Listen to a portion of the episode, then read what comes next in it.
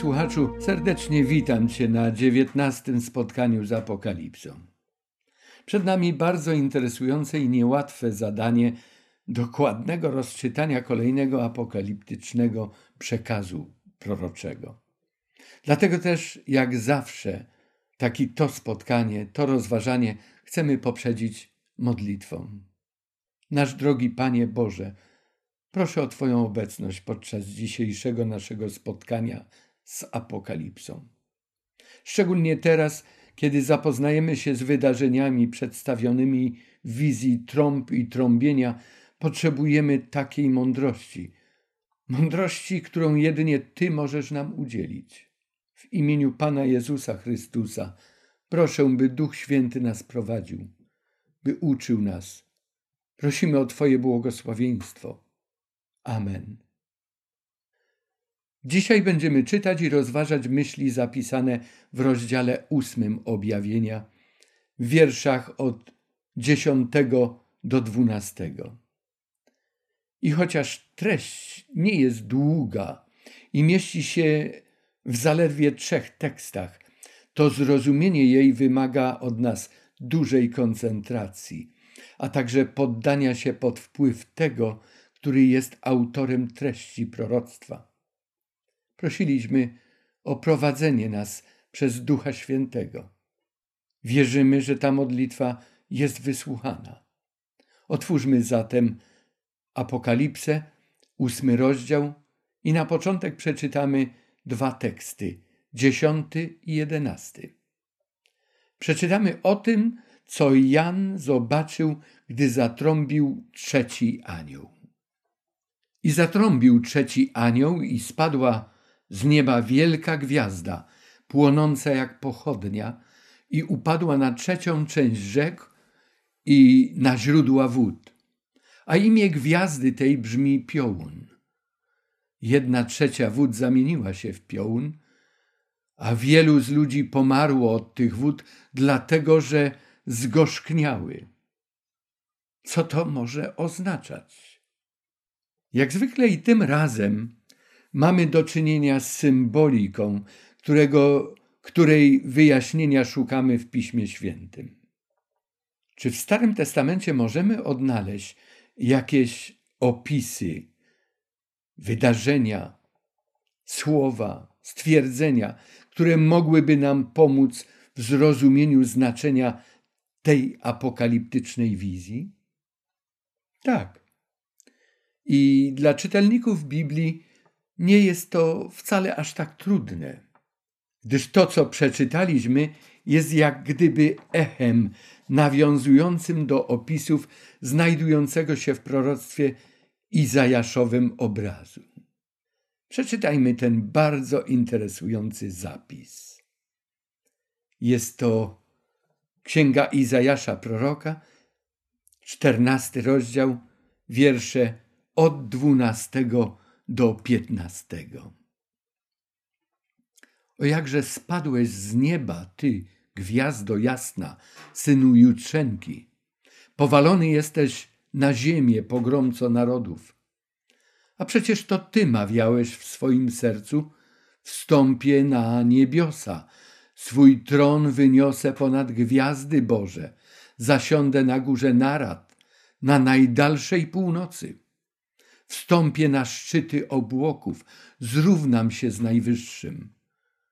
A oto strącony jesteś do krainy umarłych, na samo dno przepaści. Tutaj na przykładzie króla Babilonu przedstawiony został syn Jutrzenki, gwiazda jasna, Lucyfer.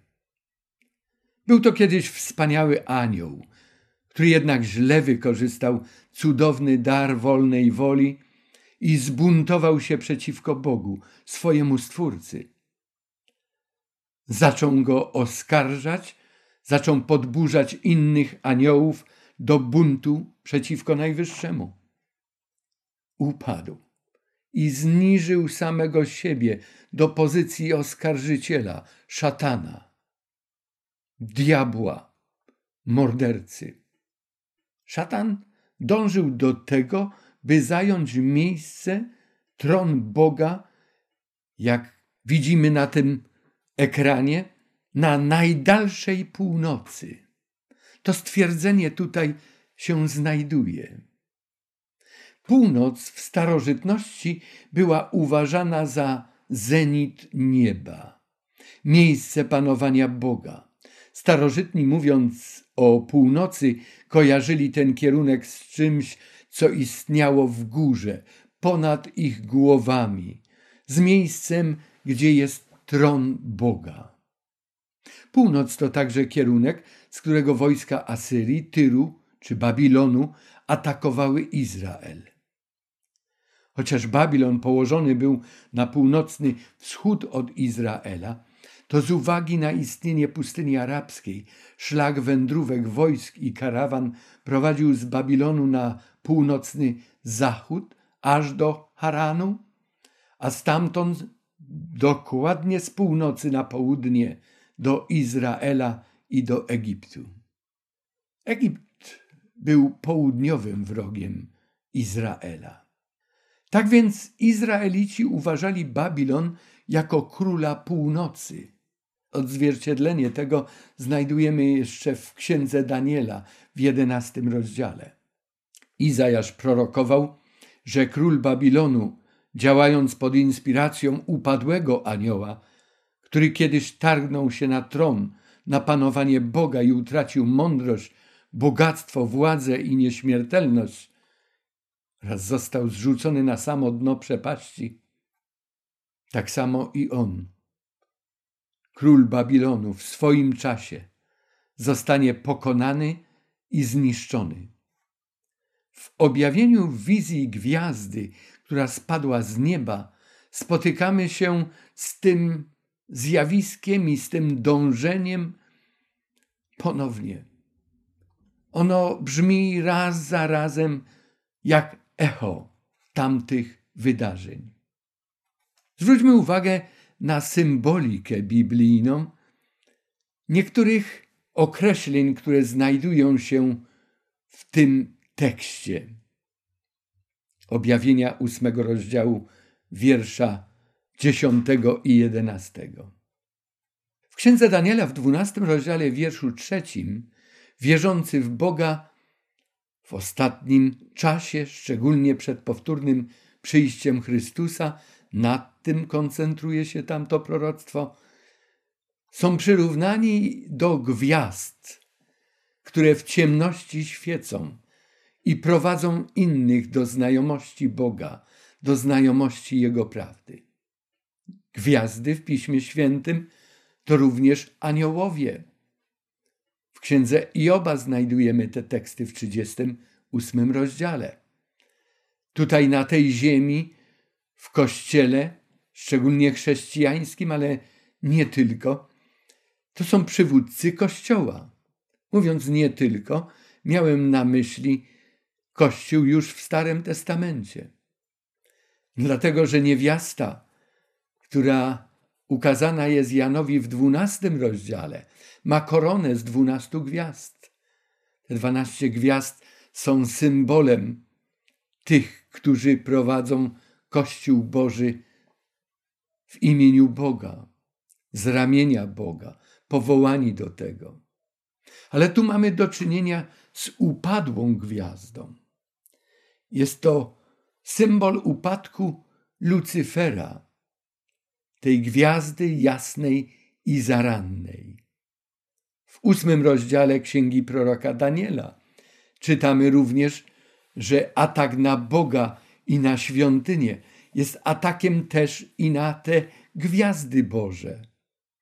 W liście Judy możemy przeczytać, że ci, którzy już na początku chrześcijaństwa, w pierwszym wieku istnienia Kościoła Bożego na tej ziemi, Kościoła chrześcijańskiego, którzy porzucili prawdę, porzucili Boga, zachowywali się jak błądzące gwiazdy, jak upadłe gwiazdy.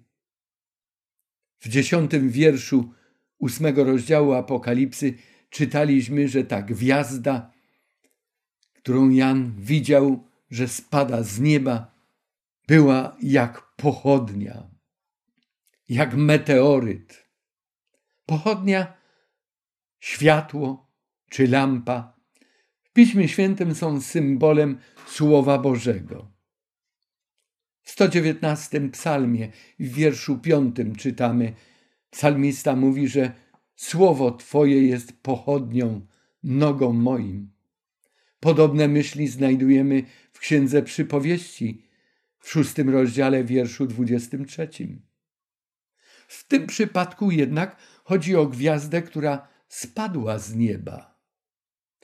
Czytając niektóre teksty Apokalipsy, drugi rozdział, wiersz piąty, na przykład list do Hebrajczyków, czwarty rozdział, wiersz jedenasty, dowiadujemy się, że taki upadek również Biblia opisuje, gdy dotyczy upadku w miłości, w wierności, wierności bądź to całego Kościoła, a także jednostek wyposażonych w wolną wolę. Chociaż gwiazda służy też w nawigacji, wskazuje kierunek, szczególnie w morskiej nawigacji. Przekazuje jakieś światło. W przypadku gwiazdy płonącej jak pochodnia, gwiazdy upadłej. Nie będzie to czyste światło prawdy Bożej. Tak było, dopóki istota ta była jeszcze Lucyferem, jeszcze synem poranka. Ale po upadku, gdy jest szatanem, gdy jest diabłem, gdy oskarża i gdy zabija, niszczy, już ten symbol również się zmienia. Do tych myśli jednak powrócimy, kiedy czytać będziemy opisy wydarzeń podczas trąbienia czwartego anioła. A teraz inny symbol występujący w tej samej wizji woda. Woda to symbol życia. To symbol nauki o zbawieniu w Jezusie Chrystusie. To Ewangelia. Chrystus powiedział do Samarytanki: kto napije się tej wody, którą ja mu dam, nie będzie pragnął na wieki, lecz woda, którą ja mu dam, stanie się w nim źródłem wody wytryskującej ku żywotowi wiecznemu.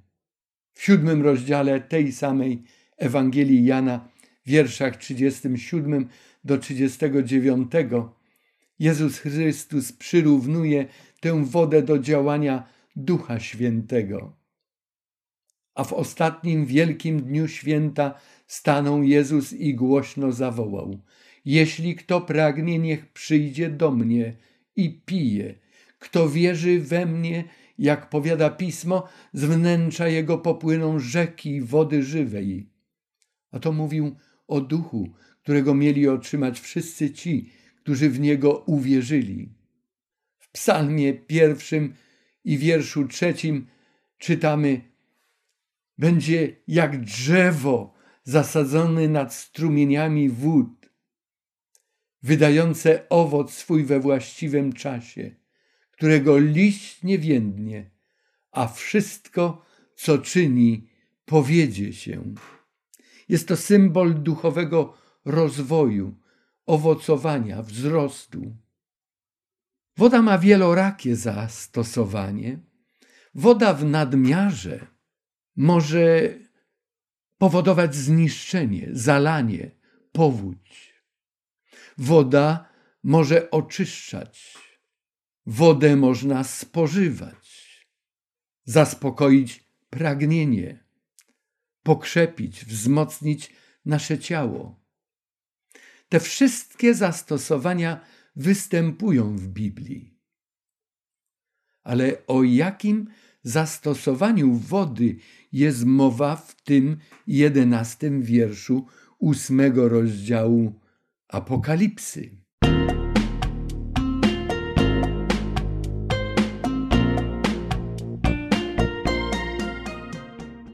Kontekst, w jakim znajduje się ta woda, sugeruje na spożywcze wykorzystanie tej wody.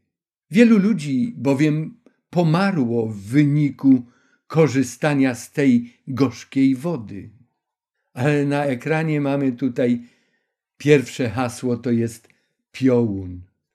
Ten symbol jest dobrze znany w Biblii i przedstawia ludzi i sytuacje, w których ludzie poznali Słowo Boże, czystą wodę, a potem odstąpili od prawdy.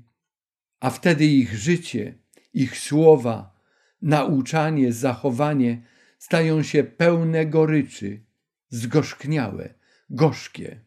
Tacy ludzie zatruwają swoimi słowami i zachowaniem naukę o prawdzie, o Bogu i o zbawieniu.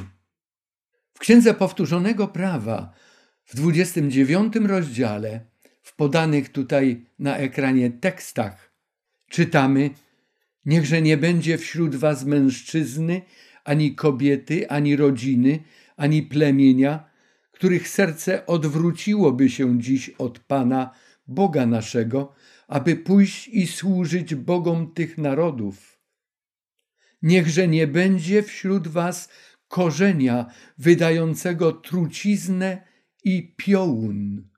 Zauważacie, co w tym tekście zostało napisane i stwierdzone? Odejście od Boga, skierowanie się w stronę bałwochwalstwa, fałszywych nauk powoduje tę gorycz. W dziewiątym rozdziale Księgi Jeremiasza, proroka, Bóg mówi tak: Dlatego, że porzucili mój zakon, który im dałem i nie słuchali mojego głosu, i według niego nie postępowali, ale kierowali się uporem swojego serca i szli za Baalami, jak ich nauczyli ich ojcowie. Dlatego tak mówi panujący Pan, Pan zastępów, Bóg Izraela. Oto ja nakarmię ich, to jest ten lud, piołunem i napoję ich wodą zatrutą. Może dziwnym się wydaje, że Bóg bierze na siebie to, że to On dokona tego zła, ale mówiliśmy o tym już kilkakrotnie. Cokolwiek Bóg pozwala, aby się stało, Bóg to bierze na siebie. Tak ludzie to rozumieli i Bóg na to zwraca uwagę. Mógłby powstrzymać, ale wtedy musiałby tych ludzi zatrzymać od wyboru, którego dokonali w swoim życiu. A Bóg dał wolną wolę człowiekowi. Człowiek ma prawo, znając Boga, iść i służyć pogańskim kultom. A więc Bóg mówi: Dlatego ja do tego dopuszczę, ja to uczynię. W księdze Jeremiasza w 23 rozdziale i w wierszu 14 i 15 czytamy: Lecz u proroków Jeruzalemu widziałem zgrozę. Cudzołożą i postępują kłamliwie i utwierdzają złoczyńców w tym, aby żaden nie odwrócił się od swoich złości, to też wszyscy stali się dla mnie jak Sodoma, a jego mieszkańcy, mieszkańcy Jeruzalem, jak Gomora. Dlatego tak mówi Pan zastępów o prorokach. Oto ja nakarmię ich piołunem, napoję ich trucizną, gdyż od proroków Jeruzalemu wyszła bezbożność na cały kraj. W księdze trenów czytamy: Nasycił mnie goryczą, napoił mnie piołunem. Wspominanie własnej niedoli udręki to piołun i trucizna. Człowiek, który odszedł od Boga i popada w różnego rodzaju perypetie, kłopoty, problemy, życie mu się wali, to piołun i trucizna. Ale człowiek, który nie chce wrócić do Boga, będzie ten piołun i truciznę przekazywał innym ludziom, nawet jeżeli jest w kościele, nawet jeżeli jest przywódcą tego kościoła, jeżeli jest kimś, kto przyznaje się do Boga, ale przyznaje się tylko swoimi ustami. Kiedy ktoś ukierunkowany na życie, na prawdę i Zbawiciela, sięga po taką wodę, nagle okazuje się, że jest ona gorzka, jest trująca i często niszczy tego człowieka. Ten człowiek traci życie, życie wieczne. Symbol zatrutej wody jest czymś, co pozoruje wolność i życie, a tak naprawdę powoduje śmierć. Jakie są skutki picia zatrutej wody, tego piołunu? Słodka woda zamieniona w śmiertelną gorycz. Kłamliwe nauki to zatruta woda życia. Korzystanie z niej prowadzi do niechybnej śmierci. Prawda przemieszana z kłamstwem to jest jak dolanie trucizny do czystej wody spożywczej. Efektem picia takiej wody jest śmierć. Podobne efekty, dokładnie takie same, pojawiają się, gdy mieszamy prawdy Biblii z naukami ludzkimi, z tradycją. Fałszywe nauki ludzkie okradają człowieka z wiary w Boga, okradają go z zaufania do Niego, okradają człowieka z pewności zbawienia w Jezusie Chrystusie, kierują ludzi w niewłaściwą stronę. Są czymś podobnym do groźnych wirusów, niszczących właściwy i dobry program komputerowy, pożyteczny program. Powodują, że Ewangelia zostaje przez nie zniekształcona. Człowiek, który szuka drogowskazu w życiu, idąc za takim, w cudzym słowiu, zawirusowanym, zniekształconym przekazem nauki biblijnej, dochodzi do rozgoryczenia, rozczarowania, do zguby. Często zniechęca się do Biblii, zniechęca się do Boga, zniechęca innych do tych wartości i w efekcie tego ginie. Piołun, drodzy, to nie jak niektórzy uważają Czarnobyl. To nie ma nic wspólnego.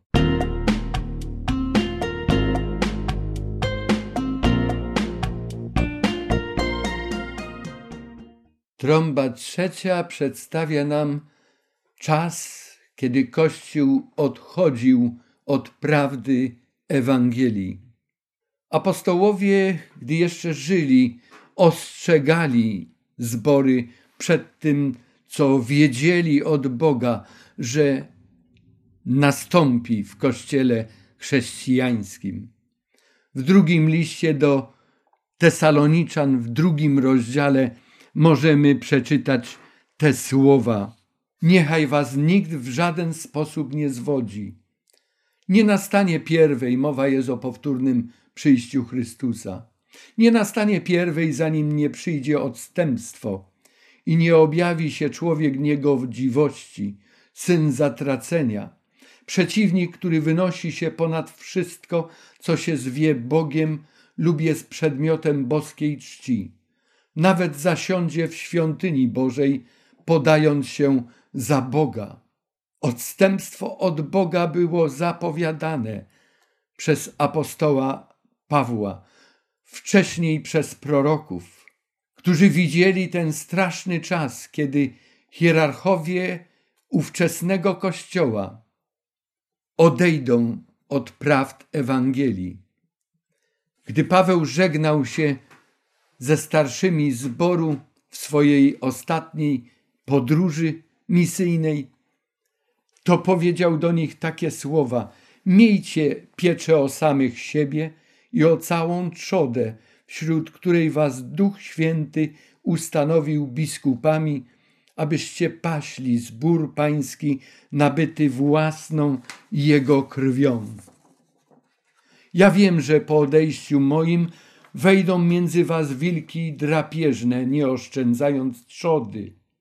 Nawet z pomiędzy was samych powstaną mężowie mówiący rzeczy przewrotne, aby uczniów pociągnąć za sobą. Przeto czuwajcie, pamiętając, że przez trzy lata we dnie i w nocy nie przestawałem ze łzami napominać każdego z was. Ile troski jest właśnie w tym przesłaniu apostoła Pawła. Ale on zna ludzką naturę. On znał niektórych ludzi, którzy jeszcze podczas jego podróży i jego działalności w zborach próbowali się wywyższać, górować nad innymi, wprowadzać inne, obce, helenistyczne, czasem judaistyczne myśli w treść przesłania Ewangelii Chrystusowej. W liście do Tymoteusza napisał Paweł takie słowa: Głoś słowo, bądź w pogotowiu w każdy czas, dogodny czy niedogodny. Karć, grom, napominaj z wszelką cierpliwością i pouczaniem. Albowiem przyjdzie czas, że zdrowej nauki nie ścierpią, ale według swoich upodobań nazbierają sobie nauczycieli, żądni tego, co ucho łechce, i odwrócą ucho od prawdy, a zwrócą się ku baśniom. Ileż wtedy do kościoła chrześcijańskiego wdarło się zabobonu, kłamstwa, mitologii. I to trwa do dzisiejszego dnia w powszechnym kościele, w wielu kościołach. W drugim swoim liście apostoł Piotr w drugim rozdziale napisał takie słowa. Byli też fałszywi prorocy między ludem, jak i wśród was będą fałszywi nauczyciele, którzy wprowadzać będą zgubne nauki, zapierać się Pana, który ich odkupił, sprowadzając na się rychłą zgubę. I wielu pójdzie za ich rozwiązłością, a droga prawdy będzie przez nich pohańbiona. Z chciwości wykorzystywać was będą przez zmyślone opowieści. I Jan, ten umiłowany uczeń Jezusa w czwartym rozdziale pierwszego listu, doradza: Umiłowani, nie każdemu duchowi wierzcie, ale badajcie duchy, czy są z Boga, gdyż wielu fałszywych proroków wyszło na świat. A więc to, co czytaliśmy w pierwszym tekście, w drugim liście do Tesaloniczan, że dojdzie w Kościele Bożym do takiego stanu, że człowiek zasiądzie na tronie w Kościele, w Kościele tron i udawał się będzie sam za Boga. W późniejszych wiekach nadano mu przymiotnik nieomylny. Niezwykłe rzeczy zapowiada nam tutaj trzecia trąba. Kiedy i jak ten proces przebiegał w historii chrześcijańskiego Kościoła? Po wydarzeniach pierwszej i drugiej trąby, czyli zniszczeniu Jerozolimy i upadku Imperium Rzymskiego, szatan szukał nowych sposobów rozmontowywania Bożego poselstwa Ewangelii głoszonej przez pierwszych chrześcijan. Tamtym czasie chrześcijanie nie cierpieli już ze strony ludzi spoza ich własnego grona. Ta sytuacja, o której teraz mówimy, zaistniała już po upadku imperium. Następował szczególny czas. Wiele następnych stuleci i do dzisiaj określa się mianem ciemne średniowiecze. Do kościoła chrześcijańskiego wkradły się pogańskie nauki, pogańskie praktyki, ustanowienia synodów i soborów, które są sprzeczne, wprost przeciwne nauce Pisma Świętego. Trzecia trąba prezentuje losy Kościoła chrześcijańskiego odchodzącego od nauk biblijnych. Jest to okres od V wieku i dalej. Szatan szukał i wprowadzał do kościoła nowe narzędzia burzenia Bożej sprawy na ziemi. Z kościoła żywego doprowadził tę społeczność do kościoła instytucjonalnego. Pozostała forma, pozostały urzędy, wprowadzono hierarchię, zapomniano o sercu.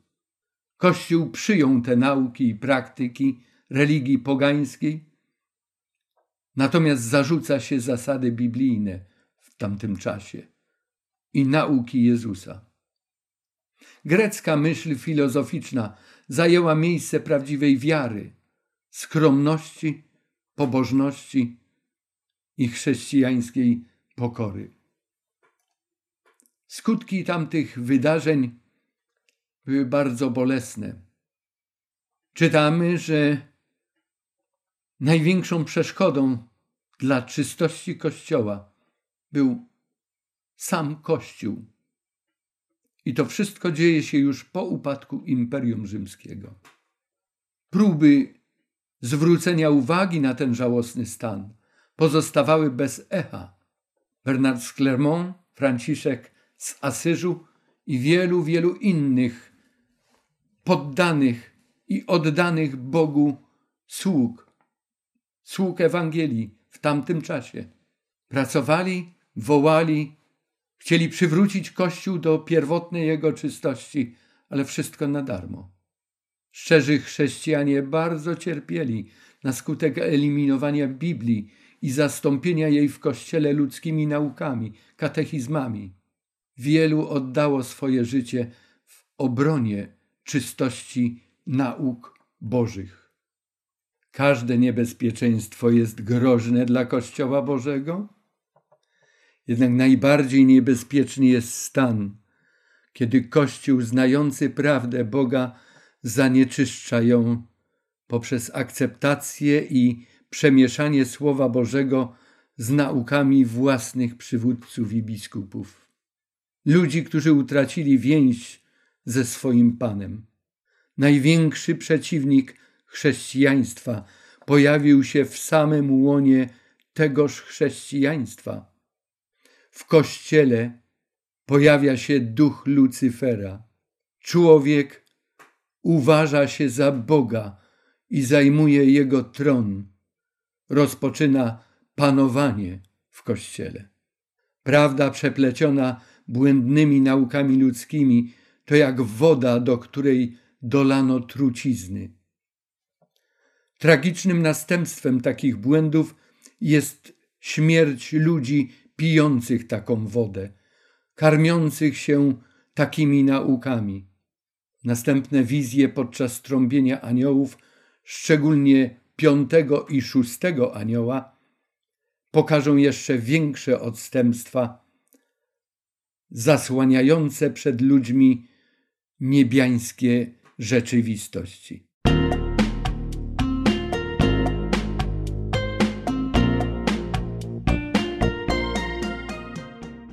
Czwarta trąba. I zatrąbił czwarty anioł, i ugodzona została jedna trzecia słońca, jedna trzecia księżyca jedna trzecia gwiazd, tak iż jedna trzecia ich część zaćmiła się i dzień przez jedną trzecią część swoją nie jaśniał. Podobnie i noc. Jest to najbardziej skrótowy opis wydarzeń ze wszystkich, jakie znajdujemy w czasie trąbienia. Przewija nam się tutaj symbolika światła i ciemności. Przeczytana treść nasuwa mocne skojarzenia słowne z opisem czwartego dnia stworzenia. I w Księdze Rodzaju, i tutaj w tej pieczęci mamy takie słowa jak słońce, księżyc, gwiazdy, dzień i noc, światło, ciemność. Dziewiąta plaga w Egipcie również polegała na ciemności. Wtedy tylko w domach Izraelitów było światło. Takie zapowiedzi jeszcze później prorocy kierowali do Egiptu, prorok Ezechiel, do Izraela, Joel, przeciwstawność ciemności i światła. To są te akcenty, które znajdujemy w Księdze Rodzaju, w pierwszym rozdziale, wiersz drugi do czwartego.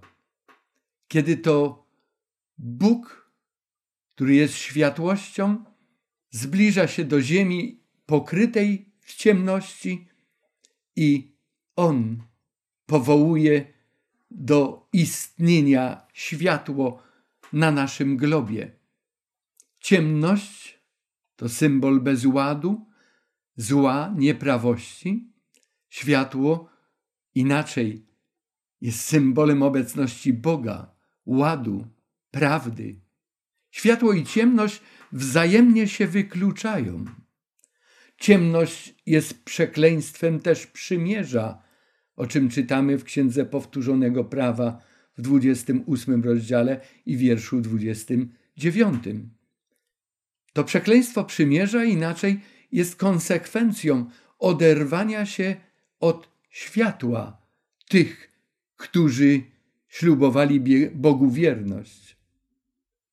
Bóg stwarza światłość, a tutaj czwartej pieczęci czytamy, że jest ona tłamszona przez tych, którzy mieli być nosicielami światła, światła Bożego. Tłamszona przez przywódców średniowiecznego Kościoła, Kościoła, który chlubi się, że wtedy istniał jako jedyny, wyłączny. Czym jest ciemność? Ciemność to nic innego jak brak światła. A jeśli prawdziwe światło zostaje przyćmione grzechem, kłamstwem i mądrością ludzką, mądrością, która jest głupstwem u Boga, która jest ciemnością, wtedy sięgamy po różne substytuty dla światła. Wtedy nawet upadła gwiazda, świecąca jak pochodnia, jest dobra. Zajmiemy się tymi symbolami w odpowiednim czasie. Ale teraz zwróćmy uwagę na słońce, księżyc i gwiazdy. Światłość słońca to symbol Boga oraz nauki Słowa Bożego. W podanych na ekranie tekstach Psalmie 84, Psalmie 119, w przypowieściach w szóstym rozdziale mamy to wyraźnie odnotowane, zapisane. Tak jak słońce ogrzewa, powoduje wzrost, tak Bóg troszczy się o swoje stworzenia. I dzieje się to zarówno w sensie fizycznym, jak i duchowym. Dotyczy to nas tutaj, na tej ziemi, w tej rzeczywistości, a również sięga po wieczność, kiedy Bóg gwarantuje to swoim wybawionym dzieciom. Księżyc natomiast nie ma własnego światła, ono odbija światło słoneczne, tak jak Biblia, jak ludzie wierzący, którzy świadczą o istnieniu Boga. W drugim liście do Koryntian, w czwartym rozdziale, apostoł Paweł napisał te piękne słowa, że ta światłość Boża rozświeca się w sercach Jego naśladowców.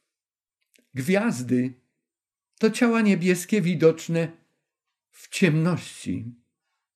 Dzięki nim na przykład nawigacja, nawigacja morskiej żeglugi staje się wielkim błogosławieństwem. Jest to pomoc. W księdze Daniela w dwunastym rozdziale, gdzie w całym, biorąc pod uwagę cały kontekst, jest mowa o tym, jaka ciemność zapanuje na tej ziemi, chociaż tam nie, nie wypowiadane są te słowa ciemność, ale sytuacja jest taka zagmatwana, przydymiona. To jest ta obietnica, że wierzący, którzy wiernie służą Bogu, będą świecić jak gwiazdy na niebie i będą prowadzić do sprawiedliwości tych, którzy pragną do Boga się zbliżyć. Światło i ciemność to przeciwstawne sobie symbole dobra i zła, Boga i diabła. w walce o prawdę, o sprawiedliwość, o dobro, o zbawienie człowieka. Jeżeli trzecia trąba kieruje naszą uwagę na zanieczyszczenie prawdy Bożej ludzkimi naukami sprzecznymi z treściami Pisma Świętego, to z czym mamy do czynienia tutaj w czasie trąbienia czwartego anioła? Czy należy rozumieć i przyjąć, że czwarta trąba zwraca uwagę na dalsze, wzmożone ataki na prawdę Biblii i wierny lud Boży? Spadająca gwiazda powoduje zniszczenia w opisie wydarzeń podczas trąbienia trzeciego anioła. Spowodowało wówczas zgorzknienie, zatrucie wód. Natomiast tutaj jest mowa o ataku na światło, o zaciemnieniu słońca, Boga, Jego prawdy, Jego nauki, Słowa Bożego, księżyca, tego odbicia światła w kościele, gwiazd, które mają prowadzić ludzi do bezpiecznego portu. W jednym i drugim przypadku chodzi o atak na Pismo Święte, chociaż przy zastosowaniu nieco innej taktyki. Porównajmy sobie dla klaryfikacji obrazu to, co dzieje się w trzeciej i czwartej trąbie. To jest taki skrót myślowy. Się nie dzieje w trąbie, podczas gdy trzeci i czwarty anioł trąbi. Więc popatrzmy, z jakimi wydarzeniami mamy do czynienia. Woda. Woda zachowuje wygląd mimo zatrucia. Nie wiesz, że ona jest zatruta, ale gdy ją wypijesz, odbierzesz skutki. Skutki poznajemy dopiero po jej spożyciu. Piołun to gorycz, symbol podstępu, zdrady, przewrotności i wewnętrzna opozycja wobec skażenia nauki. To jest wszystko, co dzieje się w czasie trąbienia trzeciego anioła. Zwróćmy uwagę na czas trąbienia anioła czwartego. Tam ciała niebieskie zostają przyćmione. Widoczne jest ograniczenie ich skuteczności. Ograniczona jest też możliwość emanacji światła Ewangelii. Jest zadymione, zaćmione. Ograniczenie skuteczności i działań i atak, który następuje, jest atakiem i z zewnątrz, i wewnątrz. Atak z zewnątrz jest na przywódców Kościoła, a przywódcy wykonują pracę Lucyfera już w łonie samego Kościoła. Tak jak Żydzi z Rzymianami współpracowali w osądzeniu i skazaniu Jezusa, tak i w tym przypadku religijni przywódcy Kościoła współpracują z politycznymi władcami, którzy będąc oponentami chrześcijaństwa, ograniczają im dostęp do Słowa Bożego. Klasycznym modelem takiego zachowania był faraon Egipcie, który wyraźnie określił się jako ateista w odniesieniu czy wobec Boga Izraela. Powiedział: Nie znam Pana, nie znam Jahwe, a Izraela też nie wypuszczę. Ja tutaj panuję, ja tutaj rządzę na tej ziemi. Niech mi się jakiś tam Bóg nie wtrąca w moją politykę i w moje działanie. Ale co to ma wspólnego z wydarzeniami podczas trąbienia czwartego anioła? Bardzo dużo. Przede wszystkim to, że jeżeli lud Boga nie żyje zgodnie z zasadami, jakie Pan mu zalecił, jeżeli odchodzi od tych wzorców, od jego przykazań i zasad, to otwiera się na zeświadczenie i bardzo łatwo staje się pożywką dla sekularyzmu i ateizmu. Historia, a także osobiste doświadczenia poszczególnych chrześcijan – są częstymi dowodami takiego procesu, w wyniku którego całe kościoły i ich wyznawcy stają się łatwym łupem demonów.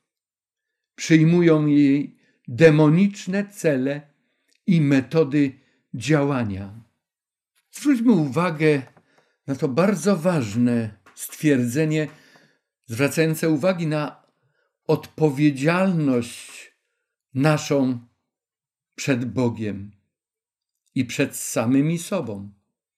Gdy ludzie twierdzą, że znają Boga i wierzą Pismu Świętemu, a nie żyją zgodnie z Jego prawdami, stają się pożywką dla rozwoju ateizmu i laicyzacji. Stanowią także koronny dowód bezsensu wiary chrześcijańskiej. To zdanie jest niezwykle ważne i istotne. Wydarzenia opisane w Apokalipsie podczas trąbienia trzeciego i czwartego anioła ukazują szybki rozwój i śmiałe poczynania na gruncie chrześcijańskim dwóch antychrześcijańskich filozofii. Pierwszy kierunek to fałszywa religijność, a drugi to opozycja wobec wszelkiej religijności. Te dwa nurty według Apokalipsy 13 aż do 18 rozdziału stanowić będą siły, które odegrają swoje role w końcowej historii tego świata. Zwróćmy jednak uwagę na to, że duchowy upadek jakiejś organizacji religijnej wcale nie świadczy o upadku poszczególnych ludzi przynależących do tych organizacji. Przykładem mogą być tutaj Judejczycy, Żydzi, którzy jako naród zostali odrzuceni od wcześniej pełnionej funkcji w dziele Boga, co wcale nie oznaczało i nie oznacza, że poszczególni Żydzi utracili taki przywilej i że nie mają dostępu do Boga i do Jego zbawienia i do współpracy z Bogiem w dziele zbawienia. Jednakże istnieją takie organizacje i poglądy, zarówno religijne, jak i polityczne, które odprowadzają ludzi od Boga, od Jego słowa i od Jezusa jako jedynego pośrednika między grzesznikiem i zbawcą. Musimy zwracać baczną uwagę na to, z kim i z jaką przeszłością łączymy się w naszym życiu i działaniu, łącząc się z różnymi organizacjami. Musimy zwracać uwagę na ich również przeszłość. Czym jest sekularyzm? Inaczej zaświadczenie ludzi wierzących, laicyzacja. Skoro sekularyzm wypełnia treści wydarzeń przedstawione podczas trąbienia czwartego anioła, to warto, a nawet należy mu się przyjrzeć. Sekularyzm ma wiele pozytywnych stron. Do jego pozytywów należy zaliczyć to, co historia odnotowała.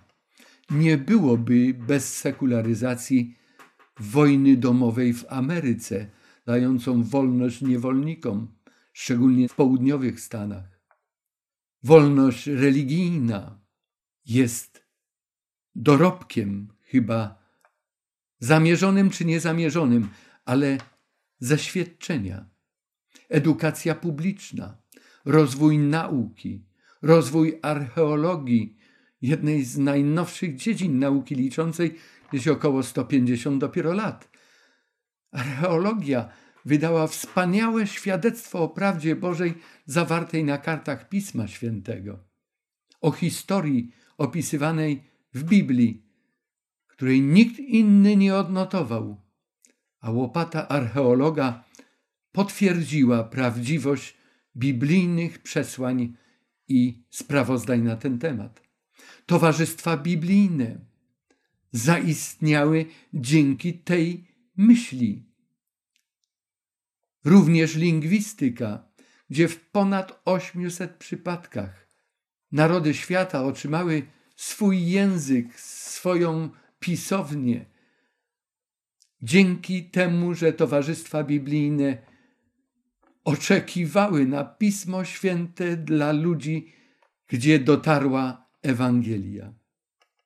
Na Pismo Święte w ojczystym języku tych narodów, języku, który nie istniał.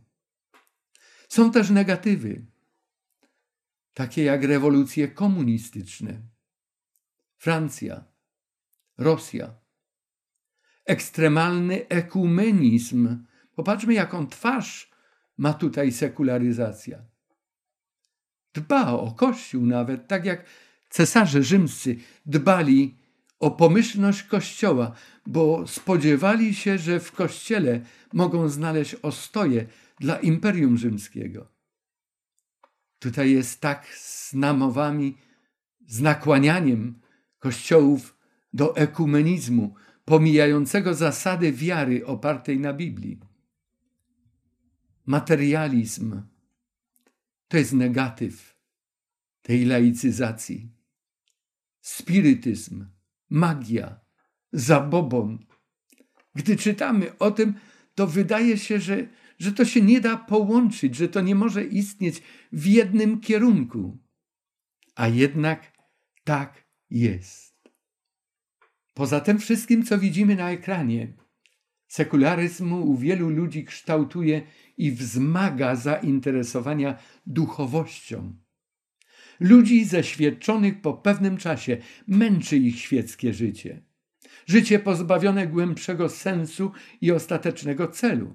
W pewnym okresie życia ludzie ci wewnętrznie odczuwają to, co odczuwa każdy myślący człowiek, że musi jeszcze coś być poza ciałem, że szkiełko i oko nie rozwiązuje tego wszystkiego, co składa się na pojęcie człowieka i jego potrzeb.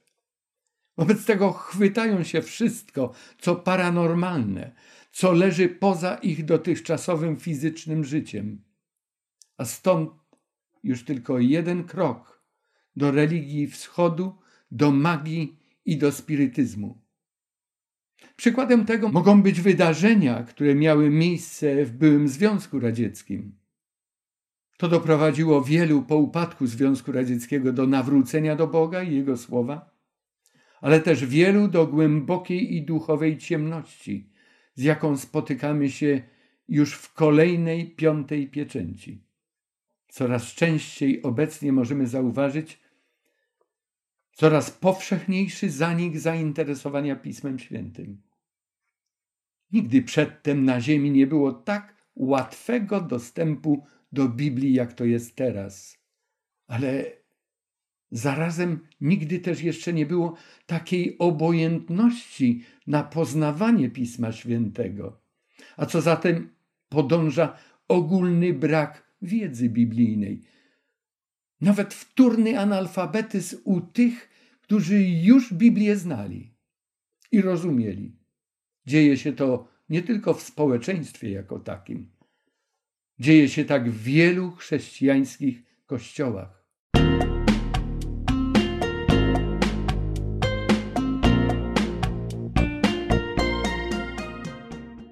Jest źle, ale będzie jeszcze gorzej.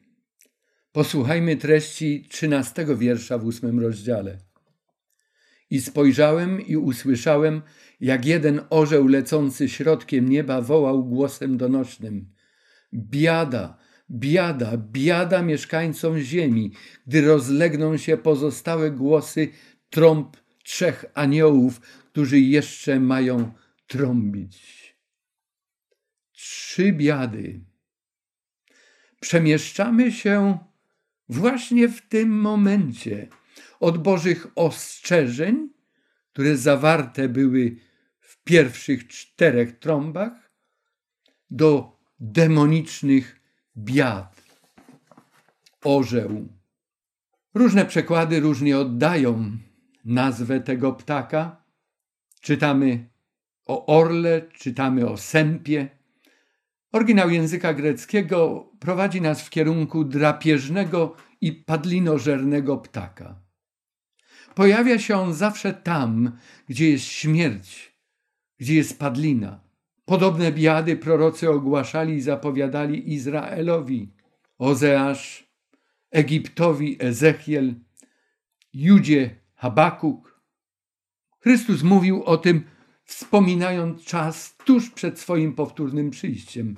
W Ewangelii Łukasza w 17 rozdziale, w wierszu 37, Chrystus wypowiedział te słowa. Tam, gdzie jest padlina, tam zgromadzą się i sępy albo orły. W czasie głosu piątej trąby moce ciemności zostają uwolnione i pociągną i toczyć będą ten nasz świat w dół. Będzie to tak trwało aż do powtórnego przyjścia Jezusa. Nie, nie jest dobrze, jest źle, ale będzie jeszcze gorzej. Teraz na zakończenie dzisiejszego spotkania skoncentrujmy się jednak na kilku ważnych duchowych radach wypływających z tego studium. Radach dla nas, tutaj i teraz, dzisiaj. Nasz Pan i Zbawiciel w każdej sytuacji życia jest z nami i nie tylko ma dla nas radę. On nas pragnie błogosławić, wyposażyć w mądrość, siłę do życia, życia z Nim, dla Jego chwały i dla zbawienia innych ludzi. Niechaj nikt nie odwróci Cię od Pisma Świętego, od Boga, Twojego Stworzyciela i Zbawcy. Pozwól, by Słowo Boże przeniknęło całe Twoje życie, by kształtowało Twoje osobiste życie, Twoją osobowość. Nasz brak znajomości Biblii kaleczy i niszczy tym, którym chcemy ją przekazywać. Oni słuchają tego, co mówimy i patrzą na to, jak żyjemy. Bardzo niebezpiecznym jest też myślenie, że przynależność do jakiegoś kościoła zbawia. Zbawia relacja, społeczność z Bogiem, z Chrystusem.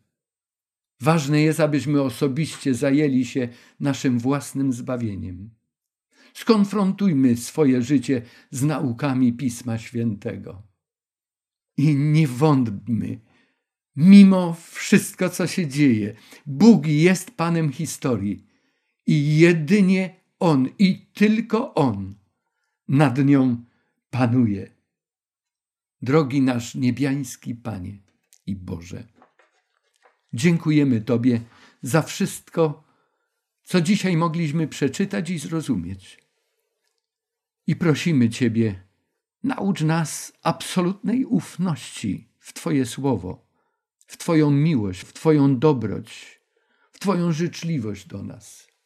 I przeprowadź nas przez trudny okres, w którym żyjemy i zwycięsko wprowadź w to, co ma nastąpić. W imieniu Jezusa Chrystusa oddaję siebie w Twoje święte dłonie i o to samo proszę dla moich słuchaczy. Amen. Dziękuję za udział w dzisiejszym spotkaniu. Do usłyszenia. Kolejne spotkanie nosi tytuł Apokaliptyczne trąby. Trąba piąta. Bardzo ważne przesłanie które chcemy przestudiować na następnym naszym spotkaniu.